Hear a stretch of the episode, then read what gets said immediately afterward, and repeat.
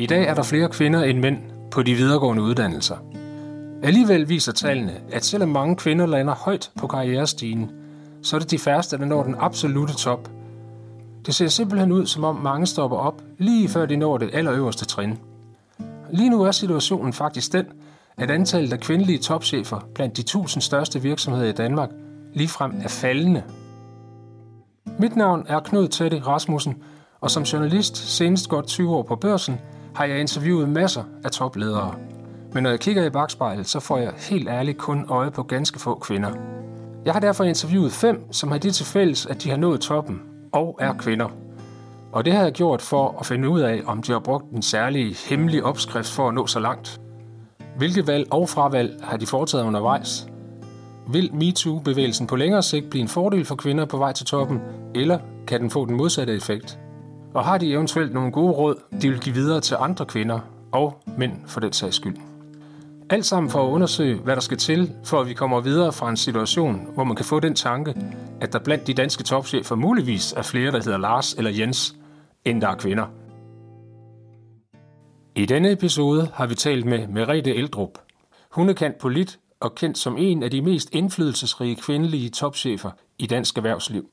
Hun har adskillige direktørposter i bagagen, senest som administrerende direktør i TV2. I dag er hun professionel bestyrelseskvinde, blandt andet i Nykredit og Rockwoolfonden. Merete Eldrup, hvorfor har du sagt ja til at deltage i den her snak? Det har jeg, fordi vi nok må kende, selvom man har talt om det her tema i mange, mange, mange år, så flytter det sig jo ikke rigtigt for alvor, når man ser tallene. Jeg er et fakta-menneske også. Jeg går lige ned.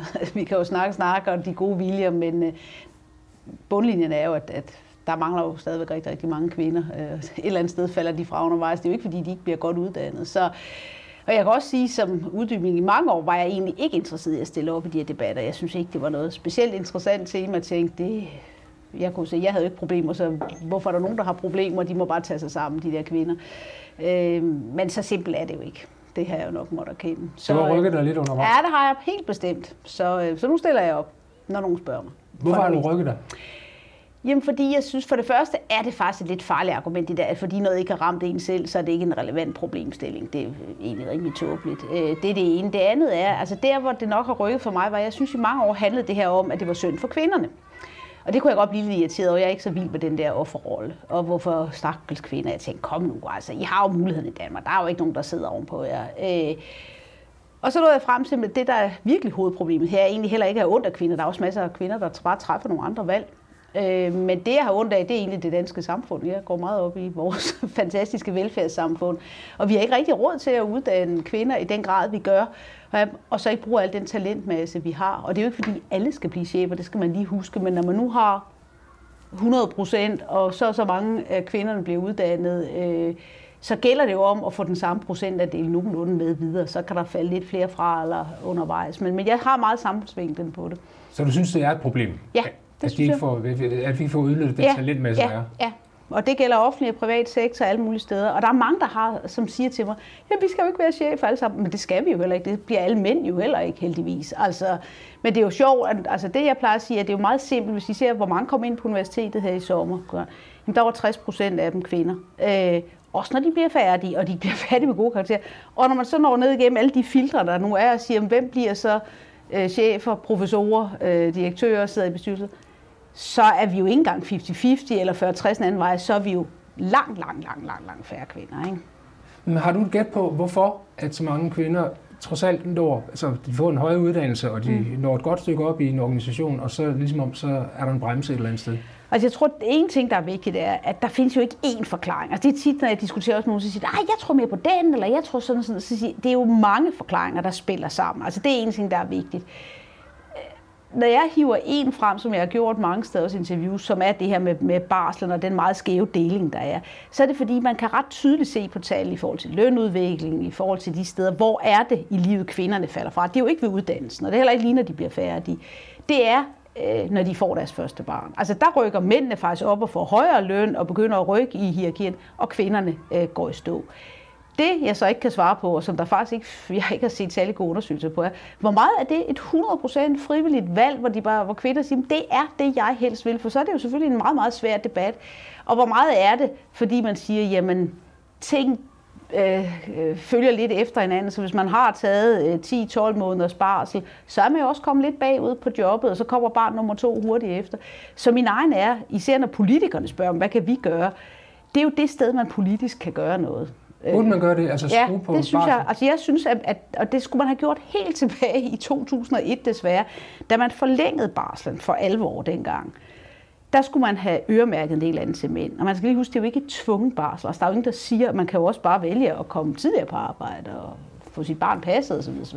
Men man burde sige, at vi forlænger barslen, men der er en del øremærket til, til faren og en del til moren. Og jeg taler slet ikke 50-50. Jeg har det helt fint med, at, at kvinder formentlig vil have længere barsel. Der er jo trods alt noget naturlov her. Men, men der, hvor jeg tror, man kunne gøre noget, for når man nu kan se på statistikkerne, at det er der, der begynder at ske nogle skift for alvor. Så er der ikke tvivl om, at det er der, der sker noget, og det er der, man faktisk ved hjælp af regulering kan gå ind og, og, og påvirke lidt. Og jeg synes ikke, man skal diktere, hvordan folk øh, bor og lever, og hvem der vil holde hvad. Det må familier selv finde ud af.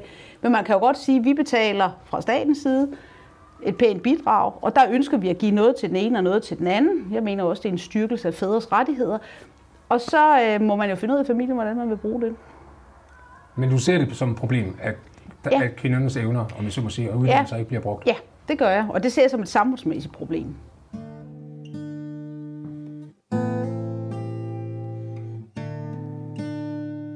Det er til synligheden en udbredt opfattelse, at topledelser fungerer bedst, hvis de består af både mænd og kvinder. Og når vi taler underrepræsentation af kvinder, så melder sig det spørgsmål, om kvinder har andet og måske mere at bidrage med end mænd. Måske. Altså, øh, jeg synes, at man skal huske, at der er lige så meget forskel på mænd og mænd, altså inden for den gruppe, som der i virkeligheden også er mellem kvinder og mænd. Altså jeg ser jo ikke sådan, at alle kvinder ligner hinanden som ledertyper, og alle mænd ligner hinanden.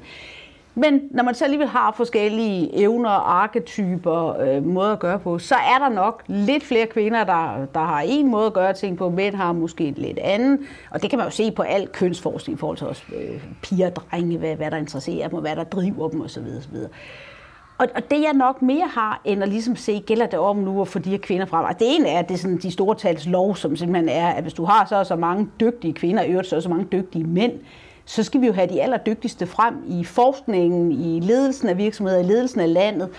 Og, og, øh, og der er det bare vigtigt, altså, hvis du så kun sidder med 20 procent af kvinderne, så ved man, at man mister noget talentmasse. Det er jo, det er jo indiskutabelt. Det er det ene. Det andet er det her med, om der er forskel.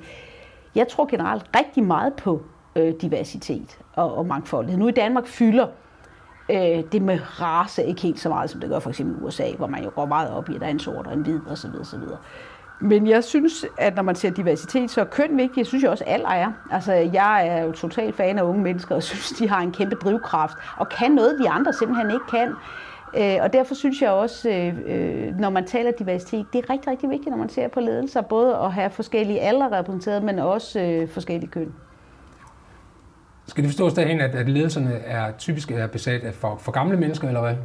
Nej, altså, det vil jo give sig selv lidt. Altså, der er jo ikke rigtig noget at gøre ved, når man når til for eksempel bestyrelsesroller, som tit er det, man drøfter. Der skal du have en del års erfaring, og du skal tit at sidde i ledelsen af en virksomhed. Det vil sige, nej, jeg tænker ikke på, at der er en mere topledelse skal sidde en 25 år. Det er sådan set ikke det. Men jeg tror, når man besætter sin ledelse, også på forskellige niveauer, det er jo ikke kun interessant. Altså, der er meget fokus på bestyrelser og topledelse, det er også relevant. Men det kan jo lige så relevant længere nede i organisationen. Altså, hvem er det, der leder det nye? Hvem er det, der udvikler de nye produkter? Hvem, hvem sidder hvor? Og der skal man sørge for også at få yngre mennesker med ind. Nu sidder du i nogle bestyrelser, må man sige. Mm. Øh, gør du noget for at fremme andelen af kvinder, når I for eksempel er i direktioner, de direktioner, der, Jamen, altså, jeg kan i hvert fald sige, at det er et opmærksomhedspunkt hver gang. Øh, øh, og, og jeg har været med til i, i nogle af de bestyrelser, hvor vi faktisk lykkedes øh, på direktionsniveau, og, og endda der var flere udskiftninger for to kvinder ind. Men det er klart, og det bliver jeg nødt til at sige hver gang, man burde, det burde ikke være nødvendigt at sige, at jeg gør det alligevel. Det er altid evner og, og kvalitet først. Altså det, det er fuldstændig indskridt. Jeg kunne aldrig drømme om at pege på at sige, her har vi en mand, han er så dygtig, og kvinden hun er 80 procent af ham, men lad, nu skal vi have en kvinde ind, så tager vi hende. Altså det vi jo taler om er her, at vi har masser af dygtige folk, og der kan du godt have et ønske om at sige, her vil vi faktisk gerne have en kvinde ind. Du har to, du mener begge to ligger på, på niveau 100. Så kan det godt være et plus, bare det at få mangfoldigheden. Noget af det, jeg godt vil sige, er, Jeg har faktisk også i, i hvert fald i afdelinger, øh, blandt andet på TV2, men, men også andre steder, hvor der pludselig er en overrepræsentation af kvinder. Det synes jeg heller ikke er nogen fordel. Altså, jeg synes ikke rene øh, kvindelighed. Så der vil mit synspunkt være fuldstændig det samme og sige, hold da op, kunne vi ikke finde en mand her? Der er dem, der mener, at kvinder i job som dit for eksempel, ikke er gode nok til at stå frem som rollemodeller, måske. Mm. Øh, hvordan ser du det med rollemodellen? Altså, det er jo også et af de steder, jeg har flyttet mig selv, fordi jeg havde det også tidligere, sådan, at jeg tænkte, jeg har ikke noget selv behov for at være kendt, eller det er ikke det, der øh, giver mig øh, mod på de ledelsesværv, jeg har haft. Men måtte også på et tidspunkt sige, hvor jeg blev spurgt flere gange og tænkte, jamen, hvis nogen virkelig... Altså, jeg havde meget, meget svært ved at se mig selv som en rollemodel. Altså, det, det, og det er jo egentlig dumt set tilbage, men det havde jeg. Øh, og da Hvorfor jeg begyndte, det, Jamen, jeg synes bare, jeg egentlig ikke synes, altså jeg synes jo ikke, jeg var en stor, ligesom en stor sportspræstation eller noget. Jeg har jo passet mit arbejde og gjort det så godt, jeg kunne, men jeg har jo ikke lagt en anden plan. Jeg har ikke skrevet en ledelsesbog. Øh, jeg har ikke ikke tænkt mig at skulle stille mig op og fortælle alle andre, hvad de skulle gøre. Det er nok også meget det, at skillenden er. Jeg har altid haft det sådan, jeg har truffet mine valg, øh, og dem står jeg gerne ved, både arbejdsmæssigt og privat. Men jeg har ikke noget behov for at missionere over for andre og fortælle, nu skal I gøre det samme, som jeg har gjort. Øh, og derfor havde jeg nok lidt svært med den der rollemodel, fordi jeg, jeg kan godt blive træt af folk, der siger, jeg har gjort sådan og sådan, sådan skal bør du også gøre. Jamen, hvem siger det? Det kan jo være, at de har nogle andre prioriteter eller et andet liv. Men det, der så har overvist mig, er, at jeg møder mange unge kvinder, som har læst et eller andet portræt af mig, eller andet sted, hvor jeg udtalte noget, eller stået og holdt et, et indlæg. Og jeg kan selv mærke, at det betyder noget for dem at have nogen, som de synes, de kan spejle i. Og måske så især netop, at jeg stiller mig op og siger, at jeg mener jo ikke, at for at blive leder, så behøver man ligne en mand, hverken øh, i sit øh, outfit, men heller ikke type eller et eller andet. Og det er jo ikke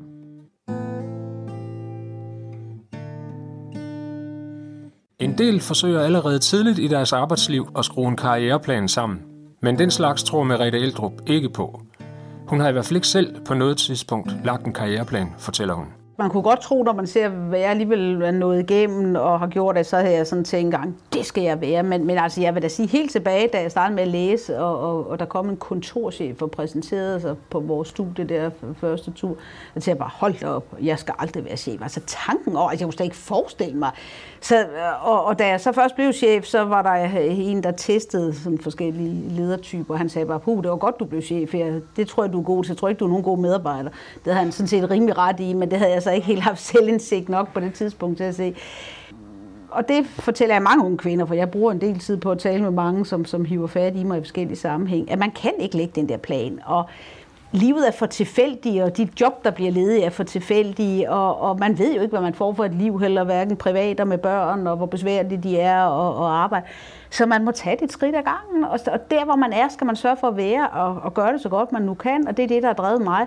Og så pludselig så er der dukket et eller andet op, så jeg tænkte, huh, det kunne da også være sjovt. Og så har jeg selvfølgelig haft modet. Altså hver gang jeg har taget et step, opad og ud i det ukendte og et stort skift, så har jeg også mig, at det har da ikke været nemt. Altså det er jo ikke sådan, at man ikke har ondt i maven og tænker, hvad laver jeg her, kan jeg finde ud af det? Og, og sådan er det jo hver gang, man går ud af den der berømte comfort zone. Øh, og det er en af de ting, man skal tube. Du har også talt om, at øh, nogle af de yngre kvinder, du taler med, de kommer måske lige fra CBS, mm, eller hvor de mm. kommer fra, at de sidder sådan og har en eller anden idé om, at ja. er en karriereplan, de skal nå at sidde ja. i bestyrelsen for ja. Nykredit, for noget ja. til noget helt ja. tilfældigt. Ja. Øh, og øh, hvor du så må sige til dem, at de skal have nogle kilometer i benene, ja. sådan rent ledelsesmæssigt ja. først. Og ja. det gælder vel også både mænd og kvinder, ikke? Ja, altså jeg vil sige, at jeg taler med to slags. Både dem, der sådan faktisk er meget bevidste om, også nu er unge kvinder, men det kunne også være mænd, som jeg vil gerne være chef. For så må jeg jo sige, jamen det første, man gør, er at vise, at man løser de projekter, man får, de opgaver, man har godt Altså, så der findes simpelthen ikke noget sesam sesam øh, her, som åbner en eller anden dør. Altså, øh, det er lidt den gammeldags måde. Altså, gør det godt det, hvor det er. Så skal man selvfølgelig også sørge for, at det er synligt, og man tør åbne munden og ligesom sige, hallo, det var faktisk mig, der lavede det her. Eller melde ind og sige, det kunne jeg godt tænke mig, og dermed også altså, stikke snuden frem. Men men det er øh, jo et bare generelt almindeligt hårdt arbejde. Ikke? Øh, og så kan man sige, det med bestyrelse, som lige altså i periode kommer op som det helt store løsende, altså, det, det skal jeg også prøve. Jamen, det får jeg virkelig mange henvendelser på, fordi det er jo nu det, der er blevet mit fuldtidsbeskæftigelse. Men der må jeg også sige, det er jo ikke noget, der er kommet på et halvt år. Jeg havde jo allerede tre, da jeg holdt op på TV2. Og hvor jeg mange, har, undskyld, hvor mange har du nu? Øh, seks. Og så plus nogle mere sådan frivillige og andre ting ved siden af. Men det har jeg jo arbejdet på i 10 år, øh, øh, og ligesom stået klar. Så det er nok den eneste sted, hvor jeg har lagt en plan. Det var faktisk, da jeg stoppede på TV2 og kunne se, nu stod jeg ved en skillevej. Enten var det bestyrelse 100%, eller så var det faktisk mindre bestyrelse, for jeg synes, det begyndte at fylde for meget. Øh, men det er også mere for at sige, at der er jo ikke noget, der kommer meget sjældent sådan bare dunkende. Så må man jo arbejde på det. De der valg, du taler om, du har taget, altså hvor du har, om man kliché har kastet dig ud i mm. det, har du fortrudt nogle af dem? Nej, men, men de har bare heller ikke været øh, uden omkostninger, altså i forhold til, at, at hver gang jeg har øh, taget noget nyt og følt, at her står jeg virkelig på, på mere tynd is, så er det da noget, hvor, hvor, hvor jeg synes, det har været svært, og jeg skulle tage en kamp, og jeg skulle lære noget også, fordi jeg blev chef meget tidligere, jeg var kun 29, og, og, og jeg fik hurtigt nogle job, hvor jeg nok i virkeligheden heller ikke var helt kvalificeret nok, og ikke helt havde erfaring, og det, det gik så, men det kunne det også have gjort for mig måske, at jeg ikke havde øh, klaret og tænkt, det her det er ikke noget for mig. Ikke? Og der må man jo prøve sig frem, og mit motto der plejer at være, ja, hvad er det værste, der kan ske? Altså nogle gange skal man også tænke over, altså jeg plejer altid at have billede af, hvis jeg er kirurg, så vil jeg tænke, hvad er det værste, der kan ske? Ja, det er godt nok, patienten dør. Så der kan jeg godt forstå, hvis de tænker, det her det skal jeg være god nok til, inden jeg kaster mig ud i noget som helst og står alene. Og selvfølgelig er der noget rod at være en dårlig leder og, og vise, at man ikke magter opgaven, men så er der jo ikke andet at gøre end at sige, at det her, det dur ikke, og så må jeg jo hoppe ind til noget, hvor jeg passer bedre. Ikke? Hvem har ikke set folk, der er havnet på en forkert hylde af en eller anden grund, og så kommer de videre, og så rammer de den rigtige, ikke? og sådan må man jo også prøve sig lidt frem.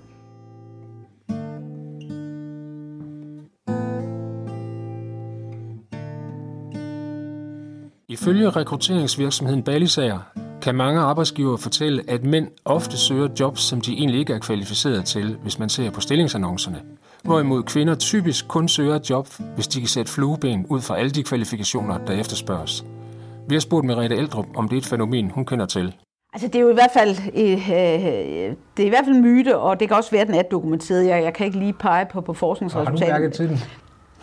Nej, jeg synes egentlig ikke så meget. Måske mere uh, in the good old days. Altså, som, som vi havde fat i lidt før. Der er måske mænd, der er bedre til hurtigt at melde sig og sige, den klarer jeg, jeg er frisk på den der. Ikke? Og ikke helt så bange for at, at fejle i virkeligheden. Og kvinder er måske lidt mere forsigtige, skal lige være sikre på, jeg vide, om jeg kan, øh, kan gøre det her godt nok. Ikke? Altså, så jeg kan godt se tendensen, men jeg har nu også oplevet undervejs øh, mænd, altså i hvert fald i mit arbejdsliv, som sådan var lidt mere, skal jeg have den, og hvor meget kræver det, og kvinder, der virkelig bare er, er fremme i skoen. Ikke? Så der findes jo begge slags i begge køn. Men der er måske lidt mere flere den ene type i den ene kasse end, end i den anden. Ikke?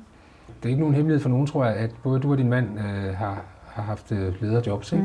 Mm. Øhm, og hvordan har I fået det til at hænge sammen mm. familiemæssigt? For det er jo tit det, man mm. snakker om. Jeg ved ikke, om det mm.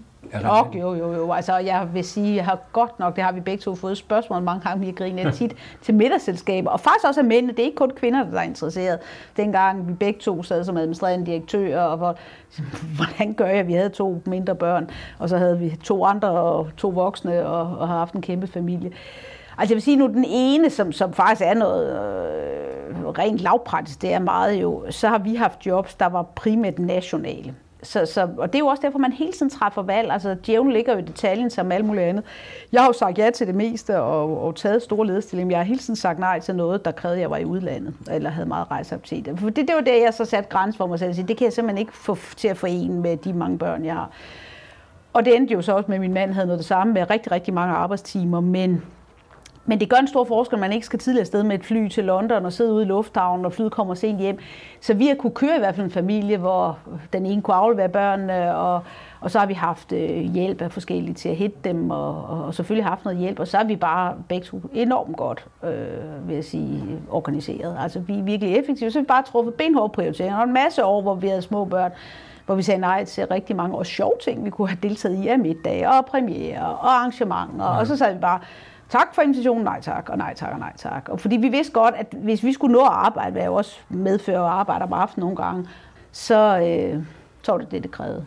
Og det er jo også den, jeg kender, jeg må sige til mange, jamen, når man har det der, uh, der er så meget, man gerne vil, alt muligt, ja. Men, øh, og det sport, vi kunne gøre, det var at tage en løbetur, for det kan du lægge ind hvor som helst en halv time. Så det hjælper ikke at have en tennisaftale med nogen, eller man skal det ene eller det andet. Det var i hvert fald vores øh, prioritering. Ikke? Men kan man ligesom nogle jobs, som, som du har haft, kan man planlægge så meget? Altså, du ved, I, I kan sidde derhjemme ved mm, køkkenbordet, mm, mm. og så kan I snakke om, øh, ja, du tager det, du tager det, og du går til skolemøde, ja, eller hvad ja, nu er. Ja, jo. Men øh, kan I planlægge så minutiøst? Jeg synes faktisk, det er der, hvor det er lettere at blive topchef, end at sidde længere nede. Altså jeg vil da sige, da jeg var fuldmægtig i Finansministeriet eller ministersekretær, der var det jo helt håbløst, fordi så havde man lagt en plan, og hov, nu de her forhandlinger, tænk dem, der sidder derinde nu, så er der en hjælpepakke, og så er der nogle andre forhandlinger, de skulle have sluttet klokken 3, så slutter de klokken 6. Ja, det hjælper ikke noget, hvis du skal hente dine børn, øh, inden de lukker klokken øh, 5, vel? Og der kan man sige, jo mere chef man bliver, jo mere er der trods alt for det meste struktur i tingene. Og det vil sige, det er dig, der lægger møderne. De ligger rimelig fast, mange af dem. Øh, business review med dem og dem, budgetmøder her, øh, bestyrelsesmøder der. Og jeg tror slet ikke, yngre mennesker ved, hvor meget lettere verden er blevet på den måde var. Før mobiltelefonen og før øh, PC'en og alt muligt andet. Og det lyder jo som om, vi er 1864, det er vi jo altså ikke, vel? Vi er også i 90'erne, ikke? Og 0'erne. Jamen, enten var du på arbejde, og så kunne du tage din telefon og, sidde med dokumenter og få ting til at ske. Ellers var du taget hjem. Altså, der skulle meget til, at man ringede hjem til folk privat, ikke? og vi havde en fax, der stod og køre, men det var jo en helt anden verden. Og i dag er det jo faktisk muligt, hvis du har en aftale på skolen, for eksempel, du skal til forældremøde. Jamen, så arbejder du måske, tager hjem og spiser med børnene, tager til det der forældremøde, det slutter klokken 9, og så kan der godt være, at der lige er en times arbejde eller to tilbage, når man kommer hjem. Og så er det jo sådan, det er. Altså muligheden for fjernarbejde ja, simpelthen. Ja, så kan man godt diskutere hele det her grænseløse, og får man nogensinde fri og sådan noget. Det må man jo gøre op med sig selv, hvordan. Altså, det har ikke været noget problem for mig. Men, men jeg synes, man har en helt anden fleksibilitet, og jo mere chef man er, jo mere kan man sige, nej, torsdag er der ingen møder efter fire, fordi der har jeg så lagt en plan om et eller andet andet. Ikke? Det er jo altså lidt svært, hvis du er i klip længere nede. Betyder det, at din grænse mellem arbejde og privatliv, den er sådan stringent, eller er den udvisket? Den er udvisket, og det har den altid været. Når man har jobs, øh, som fylder meget og har en kæmpe interesse, det er jo ikke sådan, at jeg aldrig holder fri, eller jeg ikke er glad for at have familie og børn, eller kan holde ferie. Men når man har været medieverden, som jeg har været nummer 20 år, ja, så øh, holder man øje med sin telefon. Og jeg synes, det er godt. Altså for mig har det ikke været en belastning, at jeg ikke kunne lave den der meget skarpe skillelinje. For jeg synes faktisk, det er det, der har gjort, at jeg nogle gange kunne gå tidligt øh, og tillade mig at øh, tage tidligt på weekend eller andet. Fordi jeg så lukkede på på et tidspunkt om søndagen eller eller andet og fik ordnet noget, eller lige kunne give svar til nogen. Øh.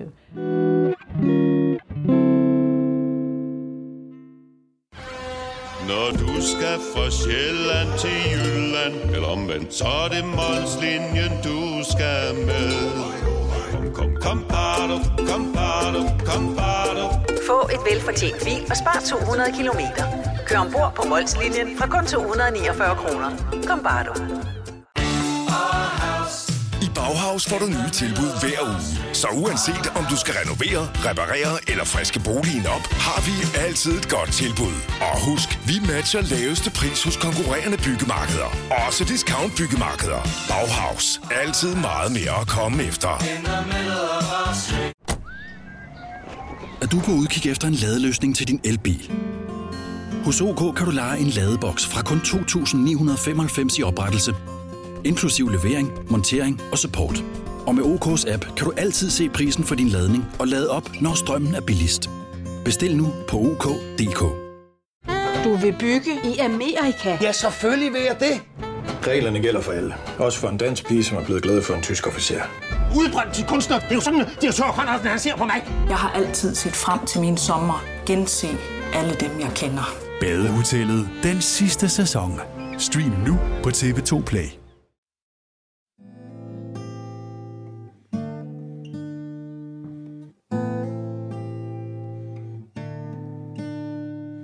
Mange kvinder, og sikkert også mænd, kan måske blive skræmt af historier om, hvor utrolig mange timer man er nødt til at arbejde hver eneste uge, hvis man har et topjob. Umiddelbart har Merete Eldrup ikke nogen anelse om, hvor mange timer hun selv arbejder i løbet af en uge, men hun tror ikke ret meget på dem, der hævder at arbejde mindst 80 timer om ugen. Nej, og, og jeg synes også, at altså, der har været mange, og det har jeg faktisk altid passet på med. Jeg har hørt mange, og det synes jeg lidt af mindst. Jeg arbejder 60-80 timer om ugen og sådan noget. Og der har jeg tit sagt, ah, Prøv lige at tage lørdag og søndag væk. Prøv lige at tage fem dage om ugen. Nu siger vi så, at du arbejder fra 8 morgen til 8 aften, også fredag. Hmm, det, det er 12 timer gang 5, det er 60. Det er jo helt vildt. Altså, jeg tror simpelthen ikke på det. Altså det. Og så er jeg helt med på, at jeg er jo virkelig til rådighed hele tiden, fordi jamen, jeg har tjekket min telefon, og er der lige en, der har skrevet, hey, vi har lige brug for at snakke med dig fem minutter om et eller andet, jamen, så er jeg til at få fat i, og hvis jeg skulle gå og føre det, og hvad foregår der i mit hoved, jeg læser, jeg ved ikke, hvor mange aviser om dagen, og ser nyheder osv., osv. fordi det er jo en del af mig. Men hvornår er det arbejde? Hvornår er det, det, det har været svært for mig at sige. Så, så man kan sige på den ene side, nej, jeg er ikke en af dem, der kan sige, så nu er jeg hjemme, nu er der ikke noget. Jeg har ikke hørt om mange, der sidder på deres arbejde 60 timer om ugen. Det har jeg altså ikke. Mm. Så ja, og der, det er der, hvor jeg lidt har kritiseret dem, der får skræmt, især kvinder, fordi hvis det er det tal, så jeg godt forstå en kvinde, der siger, at jeg skal arbejde 60 timer om ugen, og så er de stået af. Men det er klart, hvis du så regner med, hvis du rejser to dage om ugen, og du også tager en nat med, fordi du sover på et hotel. Jeg ved ikke, hvordan de laver deres beregninger, altså når du kommer derop. Og jeg tror, det lyder godt, når man tænker, at jeg arbejder jo ikke 40, for det er sådan nogenlunde 37-40. Så må jeg hellere 50, det lyder heller ikke så meget. Så bliver det 60 Og der er det bare, at jeg siger, jeg er da fuldstændig glad, hvad nogen øh, mener, de arbejder. Du skal bare ikke skræmme andre fra det, fordi jeg synes ikke, det er et realistisk tal. Og, og hvad er arbejde? Altså, det er bare det, jeg mener. Og det skræmmer, eller, du mener simpelthen, det skræmmer ja, mange? Det, det tror jeg egentlig både unge kvinder og mænd. Altså, der er jo også, det skulle man lige huske, den yngre generation af mænd, dem der får børn nu. Mange af dem vil også hjem og se deres børn og lægge dem i seng. Altså, det er ikke kun en kvindeting. Altså, de har et andet syn på, øh, øh, hvordan det skal foregå. Så, så, så det er klart, man kan jo være mere eller mindre effektiv, og det er klart, jeg er i høj effektiv. Er det kun kvinderne øh, og deres forventninger eller deres ønsker, eller har det noget med virksomhedskultur eller en samfundskultur at gøre, tror du? Jamen, jeg tror, det er alle tre niveauer. Altså, øh, som jeg siger, hvis man tager det samfundsmæssigt, så det man i hvert fald kan gøre, var som sagt det her med, med, med, med barsel. Men, men, men hvis man tager de andre niveauer, der er jo kvinderne selv, øh, og, og deres egne ønsker i forhold til balancen mellem, hvad bruger de deres tid på, hvor meget vil de det, hvor meget er de villige til at, at gå ud på isen, også for, for at tage nogle af de her øh, jobs der kan jo også være dynamikken, at, at når de så sidder derhjemme, de vil måske godt begge to kvinder har, hvis vi tager statistikken, fået en bedre uddannelse. Og en bedre, men måske vil manden endnu mere. Altså han er sådan, ej, jeg er lige ved at kunne blive forfremmet her til et eller andet. Og, men jeg har bare ikke forskningen at stå på her i forhold til, hvad er det for nogle valg, der sker mellem folk derhjemme og, og de personlige valg. Så jeg siger, at der er helt sikkert noget at diskutere, som er en helt god gammeldags altså, øh, kønsopdeling. Altså man kan i hvert fald se... Øh, jeg øh, er jo formand for Rockwoolfonden, og de laver nogle gode tidsstudier øh, med jævn mellemrum. Og kvinder laver stadigvæk en times mere arbejde derhjemme, end mændene gør. En time er altså meget ud af, hvad man har, hvis man ser bort fra søvn, øh, arbejdstid, øh, alle skal spise og i bad osv. Så, videre, så, videre. så er der altså en hel time mere, der ligger på kvinderne. Øh, så det har flyttet sig, men der er jo langt fra ligestilling i hjemmet. Og, og man kan jo også se det tilbage til, hvem er det, der tjekker forældreintra, hvem er det, der sørger for børn og har en gave med til fødselsdag osv. osv. Og jeg er ikke bedre selv, for det har også været mit domæne. Øh, og det er bare sådan noget, der tager tid og hjernekapacitet, at man skal huske det ene og det andet og det tredje af deres legeaftaler, hvad ved jeg, hvis man har mindre børn. Nå, så, så der er ikke tvivl om, at selvfølgelig har det bevæget sig meget hjemme, men tager meget mere del i børnene, laver mad og alt muligt. Der er også en del pligter, de holder sig pænt langt væk fra og det gør kvinderne i øvrigt også på nogle dele. Så er der det med arbejdspladsen. Øh, og, og det er jo der, man egentlig tit fokuserer og tænker, og, og der bliver gjort meget. Det ved jeg også de steder, jeg selv har været alle steder. Man kigger på talentprogrammer, og man husker, at der skal være en kvinde med i bunken, og vi skal det ene og det andet. Det, der er svært, er jo, altså, jeg synes ikke rigtigt, man har fundet nogen håndtag, der virker sindssygt godt. Altså, øh, øh, fordi jeg tror, alle ender jo i at sidde hver gang, og man tænker, vi vil jo bare have den bedste. Og hvis den bedste nu er Carl Børge, så tager vi Carl Børge. Ikke? Og det kan jeg godt forstå. Og der mangler så måske også noget i tankegangen, eller øh, og det er jo det, der bliver diskuteret også blandt forskere. Er der sådan en, en bias i, øh, og jeg kan jo ikke skrive under på det, men, men er der det i forhold til, at man ligesom siger, hvad er den rigtige cheftype her? Det er nok måske mere manden end kvinden. Ikke? når jeg siger overlæge, hvad siger du så? Så ser du stadigvæk en mand øh, komme ind i hvid kittel, og nu er der altså rigtig, rigtig mange kvinder, der er læger, der, hvor der bliver uddannet rigtig, rigtig mange flere kvinder. Og det er jo lidt, øh, hvad er det for et billede, man ser øh, i forhold til de problemer, der skal løses. Ikke? Så der er jo ikke andet at sige, at mange virksomheder arbejder seriøst med det her, fordi de jo også godt kan se, at de har brug for at få øh, den her talentmasse med hele vejen. Men øh, nemt er det ikke.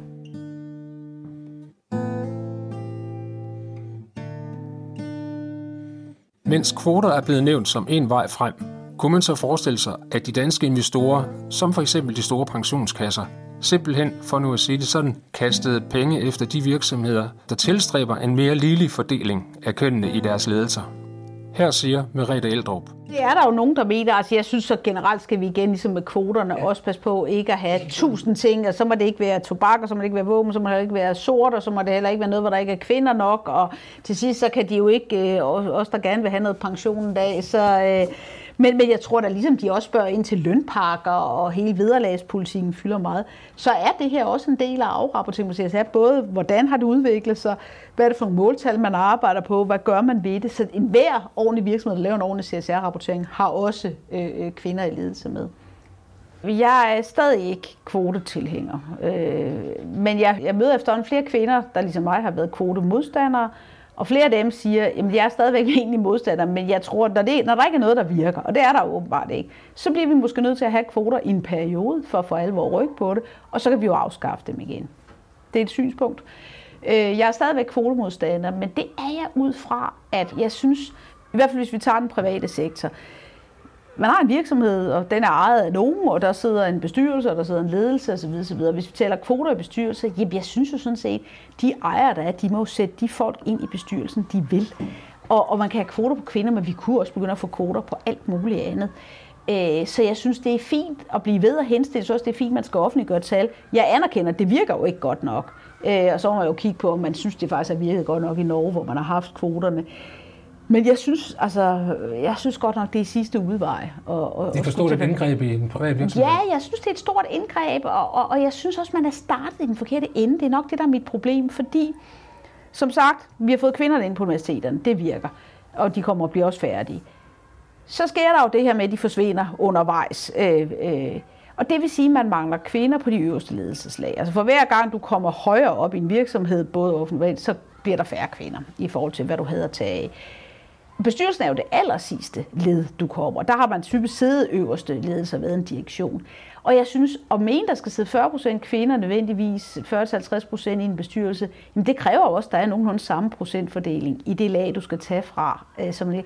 Og derfor synes jeg, det er egentlig lidt sjovt, at man er så fokuseret på bestyrelse, for jeg mener ikke, at det er der, man har den største effekt. Altså, hvad er, øh, altså skulle det ændre virksomhedens adfærd, eller skulle det så gøre, at der kom flere kvinder ned i organisationen? Der tror jeg faktisk, hvis man skulle interessere sig for noget, så er det langt vigtigere at få kvinder ind i direktionerne, som er hver dag i virksomheden. Altså det, og at de sørger for at få udnævnt kvinder længere nede.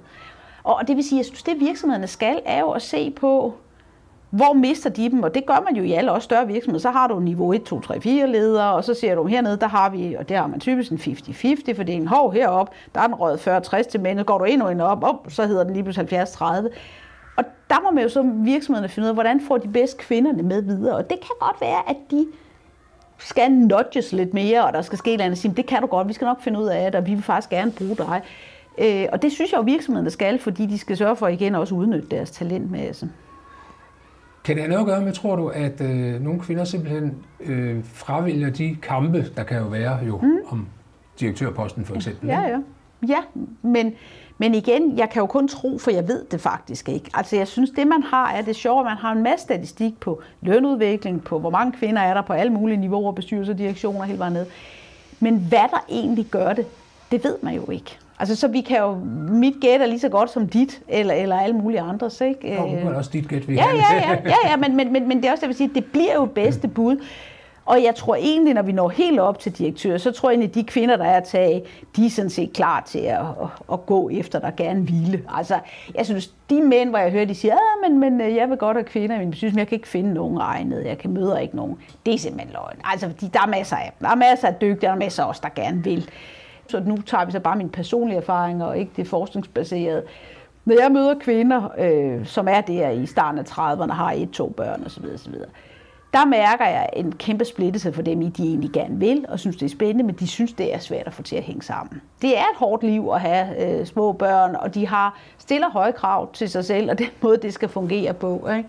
Så hvis ikke de har en mand, der virkelig faktisk skubber på os og siger til dem, go for it, jeg skal nok øh, hjælpe til her, så er der mange af dem, der så ender med netop ikke. Og hvis det sådan der kræver en magtkamp og på arbejde, og måske sådan, at man skal være lidt mere frem i skoene, ikke? Så, øh, så er der flere kvinder end mænd, der ikke kommer med videre.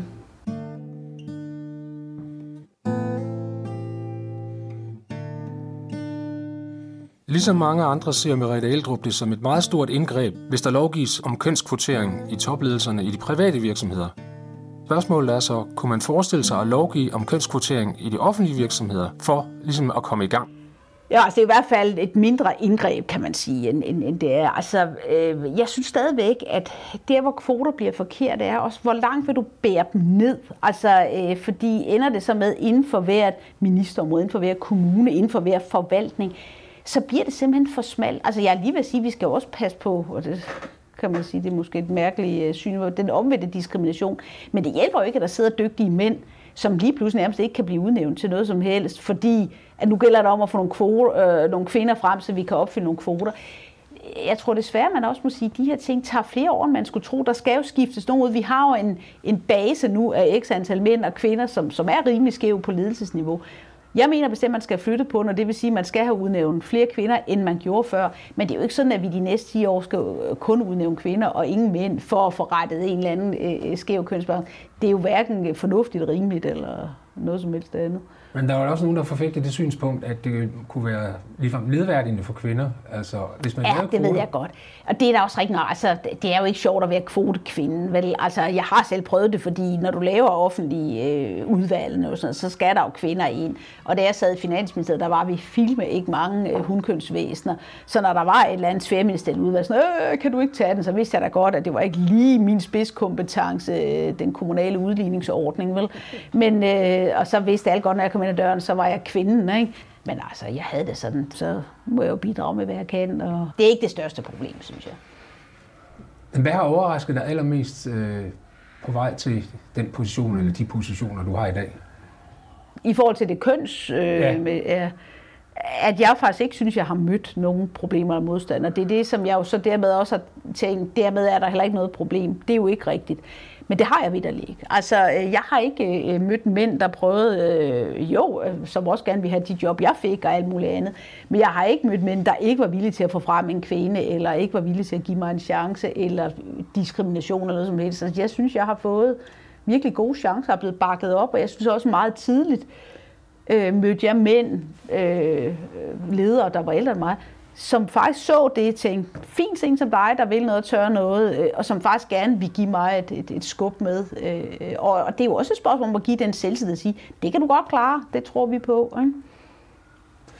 Har du været ude for, at der har været mænd, der har haft svært ved at arbejde for dig, fordi du var kvinde? Jeg tror bare ikke, jeg har opdaget det så. Altså, jeg tror, at på den måde er jeg sådan lidt teflon belagt. Altså, det kan jeg jo ikke vide. Jeg har aldrig oplevet nogen, der sad øh, og ligesom... Altså, den eneste gang, jeg har oplevet, hvor nogen måske lidt susede, det var, jeg blev visdirektør i Energistyrelsen, da jeg var 31 eller et eller andet. Og der må jeg sige, der blev jeg chef for en hel række chefer, altså, som var mænd, som var 20 år ældre end mig. Og jeg tror nok, de tænkte, hvad laver hun her? Og der vil jeg sige, det kan godt være, at et element var, jeg var kvinde, det vil jeg ikke udelukke, men det var også et element, jeg var så ung, og jeg i øvrigt ikke havde den faglige ballast. Så hvis jeg nu kigger tilbage, og der er skepsis, så synes jeg egentlig, at den er berettiget nok. Altså, de må have siddet og tænkt, de havde alle sammen søgt det job, jeg fik. De havde alle sammen siddet og tænkt, hvorfor hende? Altså, og det synes jeg egentlig er fair nok. Så i stedet for der at ligesom måske trække kvindekort og sige, ja, det er også fordi, jeg var kvinde. Jeg siger ikke, det ikke også spillet ind, men jeg tror sådan set lige så meget, det var øh, det, den der unge dame, som ikke ved noget om energi. Hvorfor er det, hun skal være vores chef? Ikke? Rimeligt nok. Når det gælder sådan noget som løn og forfremmelser, har du så nogensinde oplevet en eller anden form for sexisme? Nu taler jeg ikke om Sofie mm. Lindes sexisme. Nej, nej, nej, nej. Nej, nej, du mener så altså forskelsbehandling eller mm. Nej, det, det, det synes jeg ikke. Men jeg vil heller ikke rose mig selv for at have været god til for eksempel at forhandle løn. Altså, der har jeg nok været mere typen, der var sådan, lad mig nu vise, hvad jeg dur til. Og, altså, jeg har ikke været nogen god lønforhandler. Altså, jeg er endt med at have glimrende lønninger, men det er primært, fordi jeg har overtaget de vilkår eller kontrakter, min forgænger eller en kollega har haft det er noget af det, sådan man også siger, at kvinder ikke er særlig gode til. Og det er jo derfor, det er så sjovt, fordi løn er jo noget, det man kan måle det på. Og når kvinder har fået første barn, så går deres lønudvikling virkelig stort. Altså, de får øh, simpelthen penalty, som man siger. Så. Og mændenes vokser. Og jeg er ret sikker på, at jeg kan se, hvad der er, der sker. Kvinderne siger, at nu er jeg på overlov, og jeg skal også hente og sygt barn. Jeg skal ikke have bedt om noget. Og mændene, de tænker, nu er jeg blevet forsørger, og nu skal vi også have købt et hus og en bil, og nu skal jeg ind og have noget løn. Og det, altså, øh, der tror jeg simpelthen, det, det rykker øh, to forskellige steder hen.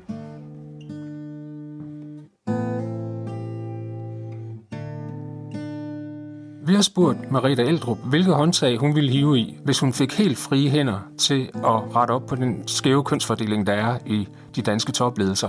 Ja, altså jeg vil gerne, øh, og det er også derfor, jeg sidder her øh, til den her podcast, altså, og, og generelt stiller op og udtaler mig, selvom jeg jo også ved, at der er, er folk, der sidder der øh, og, og mener noget helt andet, og, og bare synes, altså der er også mange, der ikke engang tør sige det, men, men bare tænker, kunne de ikke holde mod de der kvinder, de har alle muligheder, og, og holde op med det piveri. Ikke? Og det er også derfor, jeg vil meget nødig pive, eller jeg synes også, at kvinder skal passe virkelig på, at det ikke bliver sådan martyrium, og, og, og, og uh, vi er også undertrykt jeg vil hellere sige, at vi er blevet så at kigge på tallene. Og, og som sagt er der et problem fra input af uddannet og til, til output i den anden ende.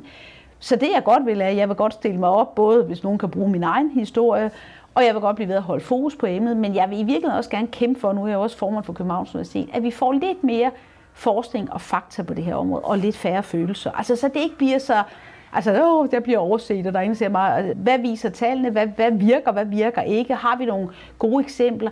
så det ikke bliver, jeg tror også, eller jeg føler et eller andet, øh, så få, få lidt mere fakta. Hvis du skal gætte, og det må jo blive gæt, det ved jeg godt, øh, vil det se anderledes ud om fem år eller ti år, tror du? Simpelthen? Altså, jeg tror tilbage til det her, som vi også snakkede om med, med, med de store talslov, fordi øh, der er jo kun en vis udskiftning per år på chefpost og så videre, så videre. Så tror jeg, at det kommer til at tage en del flere år, især med det tempo, vi har, fordi det flytter sig jo ikke for alvor. Men jeg tror om 10 år, det vil se anderledes ud. Ikke sådan, at kvoter, eller hvad hedder det, procenterne er helt vendt op og ned, fordi det kan simpelthen ikke gå så stærkt. Men det vil flytte sig, og, og, og jeg tror meget på den, faktisk den nye generation af kvinder. Altså, øh, jeg synes, der kommer nogle, øh, og den nye generation, for mig dem, der er i 20'erne og så videre. Jeg synes, der kommer nogen, der er omkring de 30, der, der vil noget, og, og også godt ved, at det bliver de nødt til at kæmpe for. Det tror du mere på? Dem tror du ja. mere på, end du tror på skoletalerne rundt omkring? Ja, ja, det gør jeg. Og de skal, altså de skal ville det, men de skal også, som jeg plejer at sige til dem, når jeg møder dem i forskellige sammenhæng, de skal også tage en kamp derhjemme. Altså det skal man ikke glemme. Man kan godt sige, at virksomhederne skal gøre noget, man kan stå og råbe ud i samfundet til politikerne. Men det er jo også et valg, man selv træffer. Man træffer sammen med den partner, man i givet fald får børn med osv. Fordi jeg vil sige, at sagen her er, det er et spørgsmål meget om, om arbejdsliv kontra familieliv, fordi øh, meget er jo simplere, hvis man ikke har børn, der også skal passes. Altså, så kan man jo gøre mere, som det passer en. Ikke? Kan man forestille sig, at den her Sofia Linde-debat, hvis vi kan kalde den sådan, mm. at den kan få nogen betydning for det andet her, for kvinders selvfølelse, selvværd og selvtillid? Ja, altså jeg havde sådan i starten, da den kørte, og hele MeToo og så videre, at øh, får vi nu ikke blandet alt for meget ned i samme gryde, som er forskellige ting. Altså vi taler jo også kultur på arbejdspladser, dårlig ledelse, som i øvrigt kan være dårlig ledelse, både mænd og kvinder. Kvinder kan jo virkelig også være dårlige ledere. Vi taler øh, sexisme, eller at vi ikke får kvinderne frem i ledelse. Og så taler vi, øh, hvad kan man sige, seksuel chikane, dårlig adfærd, decideret krænkende adfærd, og, og vi taler jo alt lige fra små bitte ting, hvor nogen måske rammer nogen på et dansegulv, og man tænker, ah, så slemt var det vist ikke, til noget, der virkelig er groft. Øh, det skal man også huske. Altså, så vi har alt ned i den her kæmpe gryde. Og øh, min ordensandsker, jeg kunne godt tænke mig at fordele tingene lidt mere op. Altså sådan, at, at vi passer på med alt ikke... Øh, øh, er lige. Ja, fordi det er det jo ikke. Og jeg kan også godt forstå dem, der siger, jeg tør nærmest ikke sige noget, gøre noget, må jeg jo sige det her, må jeg, altså fordi så var der nogen, der råber retssikkerhed, og nu kan vi ikke engang give et kompliment, og så der vil jeg så sige, jo, det kan man godt, og roligt nu. Men betyder den her debat noget? Det, ja, det tror jeg faktisk, den gør, øh, fordi nu kan man godt sige, at de piver, og de stiller sig frem af alt muligt, der ikke er noget. Og det. Jeg synes der skal noget mod til at stille sig frem. Jeg kan i hvert fald sige, at jeg har aldrig gjort det selv. Altså, øh, øh de ting, jeg der også har været øh, udsat for, som ikke er i samme kategori som meget jeg andre fortæller, men nok alligevel har været sådan lidt. Ja, jeg har så hørt til den type sådan, flyt lige hånden, eller øh, kan du lige holde lidt afstand, ikke?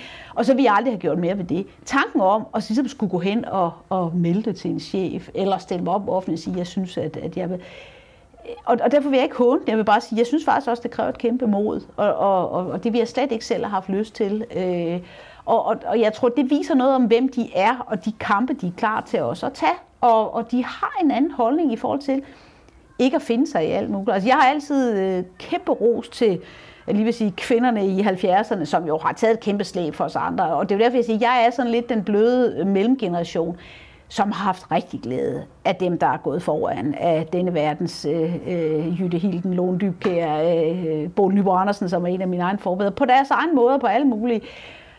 Og, og, og dem synes jeg heller ikke, at der er nogen nu, der håner dem og siger, I skal ikke øh, bare sige noget som helst, fordi vi finder os ikke noget, det gjorde I. De fandt sig godt nok heller ikke noget. De to virkelig, altså øh, nogle murbrækker, ikke? Men så er vi jo nogen, og det er jo det, jeg er, er lidt et resultat af, som der var blevet skabt faktisk en rimelig pæn ligestilling. Altså, øh, så, så da jeg kommer til, jamen, så er der ikke nogen, der undersøger, at jeg skal i gymnasiet eller på universitetet, eller kunne få et lederjob og sådan noget. Og derfor er jeg jo sådan, øh, man kan sådan forestille den der isbryder, så det har jeg ligget lige bagved. Zigzagget. Ja, og, og, og, så, og så glemt, at isen lukker sig bag ved en igen, og så tænker hmm, så nemt er det måske ikke, hvis man skal bruge det billede. Og der kommer så en ny generation, som på mange parametre, og det du kalder Sofie Linde, men som er sådan en adfærd, hvad kan man tillade sig, hvad skal man finde sig i? Der har de en anden grænse. Øh, og det, det, det synes jeg, jeg synes, det er så forfriskende. Jeg synes, det er derfor, man i stedet for at råbe hinanden, skal lytte til hinanden. Det er jo ikke sådan, at de unge har ret i alt, hvad de siger, og, og lige der, hvor de trækker grænsen. Men jeg synes heller ikke, man bare skal ryste på hovedet og sige, nogen sarte snif nu, og nu skal I bare holde op, fordi man må have lidt robusthed for at klare sig i verden. Ja, det må man, men man skal heller ikke finde sig i alting. Der er ligesom to fløje, fornemmer jeg, mm. øh, i den der sag. Øh, der er dem, der mm. mener, at øh, fordi der er nogen, der har sat navn på de mm. mennesker, så er det blevet sådan en heksjagt, mm. og så er det, så det, så ligesom, at man har glemt hele sådan, mm. den, den mm. øh, strukturelle debat i det mm. der, ikke også? Og så er der andre, der mener, at, øh, at, øh, at det er vældig godt. Er det blevet mere eller mindre effektivt af, at der nu er kommet nogle forskellige navne på? Jeg synes, det er blevet mindre effektivt på den måde, så kommer det jo til at handle om det, og, og, og det er lidt ligesom, når journalistik handler om, at man kan vælte en minister eller en direktør eller andet. Og, og, og det er ikke lige med, at det aldrig er relevant at få sat nogen som helst navn på, eller at noget må have en konsekvens. Altså det, det, altså jeg vil heller ikke ind i de konkrete eksempler. Men jeg tror, bevægelsen generelt har bedre af, at man ikke får navn frem. Det var også det, Sofie Linde gjorde. Altså stille sig op og sagde, jeg vil godt sige det her, øh, men har ikke behov for at udpege, hvem det var. Men man kan igen ikke skære det hele over en kamp, for der kan godt være nogen, hvor de har behov for at sige, jamen prøv lige at høre, vi kan ikke forstå, at vi har anmeldt dit og dat. Der sker ingenting i vores øh, virksomhed eller parti, eller hvor man nu er hen, øh, jamen så bliver man jo ligesom nødt til at trappe op. Øh, sådan kan man også sige det, ikke? Øh, og, og det er jo det, der sker. Altså, det er en kæmpe svær debat, og jeg forstår godt dem, der siger retssikkerhed. Nu synes jeg, at retssikkerhed er lidt noget andet, fordi mange af de her sager er slet ikke juridiske sager. Det er heller ikke noget, der har med noget med domstol eller noget at gøre. Så man kan virkelig sige, at vi er over på sådan et moralkodex. Så der er det jo meget, meget svært. Hvem dømmer? Hvad er forældelsesfristen, hvor, hvor store brød skal man egentlig begå. Så, så det er jo i højere grad kan man sige, både en kulturkamp, men også en moralkamp i forhold til, hvad man måske har kunne tillade sig før. Det kan man så ikke tillade sig i dag, og det sker jo på mange områder. Altså, vi kan jo selv se det på skat og udbytte og de her historier, hvor man siger, jamen det gjorde man for 10 år siden, der var ingen, der syntes, det var mærkeligt, bare det var inden for lovens rammer det vil ikke gå i dag. Og jeg plejer at give eksemplet med rygning. Altså, det er jo ikke mange år siden, vi sad og røg en anden i hovedet, og mine forældre sad og røg på forsædet, og vi sad uden seler på bagsædet. Og i dag vil man jo simpelthen synes, det var så vanvittigt. Ikke? Og, og derfor synes jeg, at de unge har en pointe. Jamen, det kan da godt være, at øh, at det kunne lade sig gøre førhen, og det var sådan almindeligt, at mænd kramsede på de piger, de nu havde lyst til, og så måtte man sørge for at være for sig. Men det er jo ikke sikkert, at det behøver at være i orden i dag. Hvis du skulle sige noget til mændene mm. i den her sammenhæng, hvad skulle det så være? Det, man skal høre de yngre piger siger, altså det, for det første, djævlen ligger i detaljen på alle de her ting. Så de mænd, der til, jeg tror ikke sige noget til nogen, det er nærmest nemmere ikke at ansætte kvinder, fordi uger, hvis jeg træder over.